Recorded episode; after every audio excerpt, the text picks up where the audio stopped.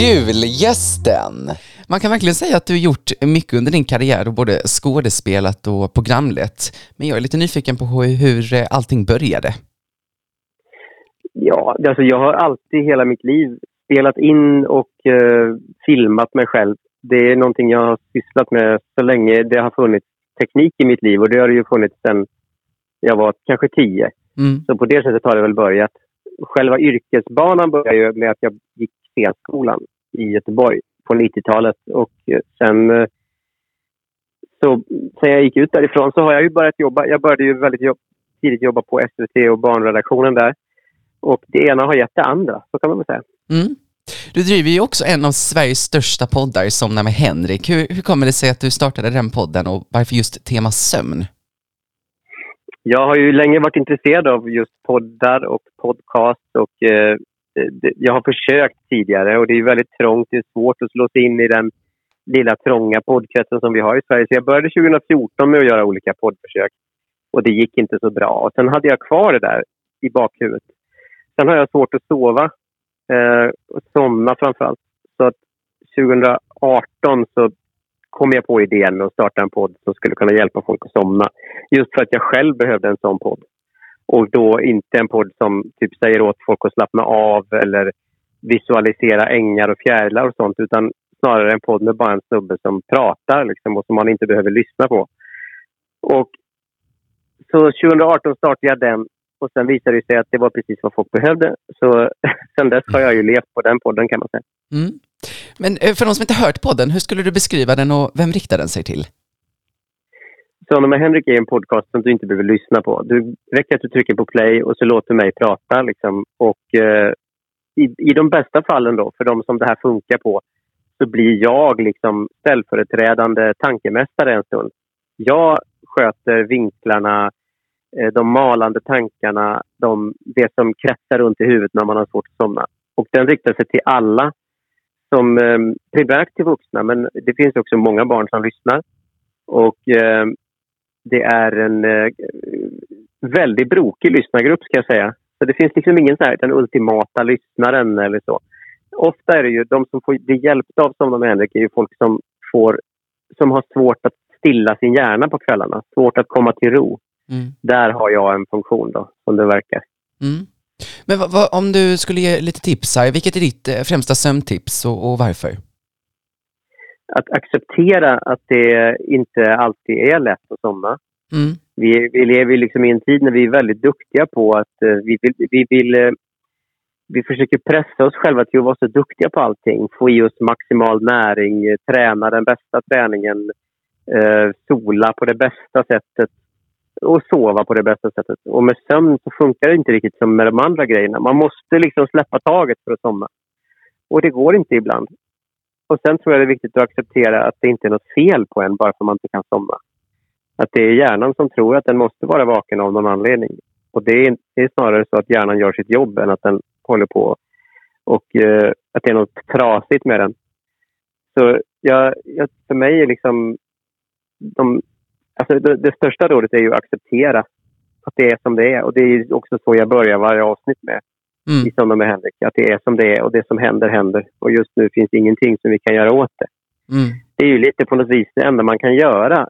Och det gäller inte bara sömn, det gäller ju hela livet i stort. När saker är övermäktiga en, då måste man ju säga okej, okay, just nu är det så här. Absolut, absolut. Eh, 1999 började du jobba på Bolibompa. Hur är det att jobba med ett program som många barn kollar på och kanske ser upp till? Ja, det var stort. Ehm, det här var ju mitt första riktiga jobb efter scenskolan. Så jag, jag var ju överväldigad av det massiva publikintryck eh, liksom, som det programmet gjorde under väldigt många år. Mm. Eh, då, då var ju också, det fanns ju inga digitala kanaler utan Barnkanalen, eller det, inte ens Barnkanalen fanns utan vi höll ju till på kanal 1. Och det var ju liksom eh, jättepubliker som man egentligen inte kan tänka idag. Det är typ Melodifestivalen och så här. Så det, det är ju en, det är en, eh, en, en svunnen tid, men också väldigt roligt att ha varit med liksom när, på den tiden när tv fortfarande var någonting som alla såg och alla pratade om. Liksom. Mm. Um, det var fantastiskt. Mm. Sen tycker jag det är coolt att jag är ju fortfarande en, en eh, att jag fortfarande lever och att det kommer fram vuxna människor till mig och säger tack för att du räddade min barndom och sånt. Det är ju en ära och ett privilegium. Det förstår jag. Eh, många känner säkert igen dig som, som med Henrik, men om man går tillbaka lite så kanske man känner igen dig som Stål-Henrik. För du var ju med och medverkade i Superhjältejul som faktiskt gick som julkalender 2009. Hur var det att spela den så kallade Stål-Henrik? Stål-Henrik är ju jag, kan man ju säga. Han, han är ju en, eh, en, eh, någon slags koncentrerad version av mig eh, nojor och rädslor och ideal och så. Och sen så gjorde vi honom lite rolig med att vi blåste upp honom till att han var stor och stark. Eh, men det, det, finns, det finns egentligen inga förebilder. Han, han är mer än jag. Liksom. Han är, han är eh, han är ett koncentrat av mig och eh, vi hade väldigt kul när vi gjorde den, både Sara och jag.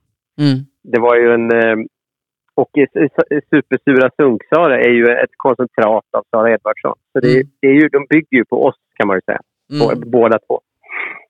Vad kul att du nämnde Sara, för jag intervjuade faktiskt eh, henne, eh, Sara Edvardsson, och hon delade med sig om ett minne som hon hade från inspelningen. Har du något mm. roligt minne från inspelningen av, av Superhjältejul? Ja, vi var ute på location på ett, vid ett tillfälle. Det är när man liksom åker ut och filmar på en specifik plats. Mm. Och det var väl ett avsnitt när eh, vi var på en cirkus tror jag. Och vi var, det var, vi filmade, filmade utomhus och då hade vi ett sånt stort solsegel. Sådana spänner man upp liksom för att eh, hindra solen. Om solen till exempel ligger väldigt starkt från ett håll så kan man eh, spänna upp ett sånt stort, det är en stor vit duk som solljuset skiner igenom och då skapar man lite mer så här mjukt diffuserat ljus. Mm. Eller om man vill avskärma ljus så att inte Sara har solen i ögonen eller så. Mm. Och, ehm, då, och det gör man ju för fotots skull. Och mm. Eh, de är väldigt stora de där. De väger kanske 80-90 kilo. De är väldigt stora och på hjul. Eh, och vinden tog tag i ett sånt där solsegel och eh, slet iväg det mot vår skripta, Anki. Och hon, var, hon var helt skyddslös där. Det här stora solseglet kom liksom farande med vinden mot henne. Och jag hade stålhällekläderna på mig. Eh, för det var mellantagningar liksom. Så jag ropade då stopp och så kastade jag mig fram och hindrade det här solseglet från att krossa Anki där mot någon, någon, någon husvägg. Och eh, sen efteråt så förstod jag att jag hade liksom superhjältekläder på mig och att jag hade, jag hade liksom ryckt ut och räddat livet på, på nej, räddat livet vet jag inte. Men det kändes ju så otroligt mycket mera värt jag hade inte tänkt på att jag, hade, att jag såg ut som en superhjälte och gjorde något som superhjältar annars gör i populärkultur. Så det var lite kul. Då blev folk, eh, då blev folk impade och applåderade och jag kände mig som en superhjälte på riktigt. Eh, även om du gjort mycket under din karriär så kanske det finns mycket kvar som du vill göra. Har, har du något eh, drömprojekt du skulle vilja jobba med? Uh, nej, men vet du, jag jobbar med mitt drömprojekt nu. Det är ju Sådana med Henrik. Jag, jag, jag jag har längtat hela mitt liv efter att få bestämma själv, helt själv, utan några andra som lägger sig i vad jag gör. Och det gör jag nu och får, in liksom en inkomst på det. Mm. Så jag tycker just nu, om jag får fortsätta hålla på så här i några år till, då är jag fett nöjd. Mm. Ja men vad härligt.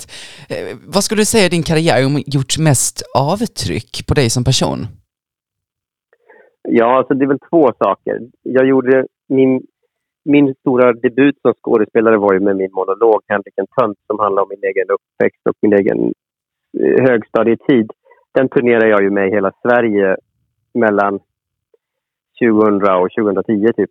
Mm. Spelade över 500 föreställningar. Det var ju bara jag och en basker och en, en skolväska. I, jag spelade överallt, hela Sverige.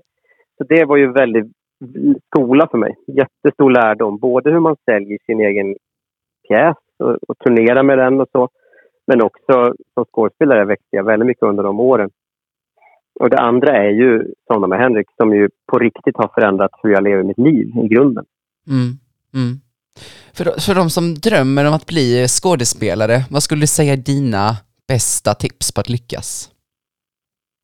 Börja själv. Vänta inte på att någon annan ska, ska upptäcka dig eller uh, gilla dig eller ta hand om dig den tiden är förbi, skulle jag säga, eh, i den mån den ens har funnits för, för alla. Förr så fick man vänta, alltså förr innan jag började, då fick man vänta på att man kom in på någon elevskola vid någon teater och sen så och då handlade det om att någon regissör skulle gilla en eller någonting sånt. Det var en väldigt, väldigt liten grupp människor som, som det hände med. Sen började scenskolorna bli statliga och då fick fler möjlighet att gå eh, och utbilda skådespelare. Men även där är det trångt när de sen kommer ut i samhället. Och jag menar, man kan få vänta länge och, och vem vet vad scenskolorna i framtiden kommer att ha för inriktning och, och funktion i samhället. Jag säger, kör själv.